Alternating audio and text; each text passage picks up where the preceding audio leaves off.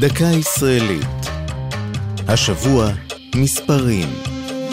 והפעם, אחד העם.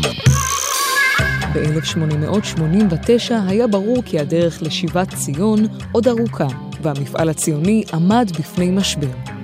אז פרסם אשר צבי גינסברג, צעיר יליד אוקראינה וחבר בולט בתנועת חיבת ציון, את מאמרו "לא זה הדרך". את המאמר חתם בשם שהיה לכינויו, אחד העם. במאמר טען כי העם היהודי אינו מוכן עדיין להקים ישות לאומית בארץ ישראל, וקרא לחנך את היהודים ללאומיותם.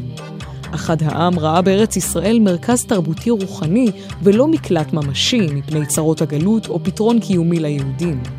הרעיונות שהיו מנוגדים לאלה שהעלה אחר כך בנימין זאב הרצל, סחפו רבים מחברי חיבת ציון. אחד העם ביקר בארץ ישראל פעמיים. בשובו מהביקור הראשון ביקר קשות את היישוב העברי. הוא טען שאופי המושבות זר ללאומיות היהודית, משום שעיקריהן תלויים בברון רוטשילד, ואף יצא נגד יחס היישוב היהודי לערבים.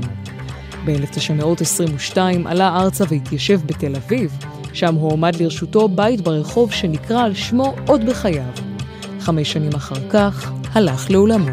זו הייתה דקה ישראלית על מספרים ואחד העם. כתבה נוגה סמדר, ייעוץ הפרופסור יוסי גולדשטיין, עורך ליאור פרידמן.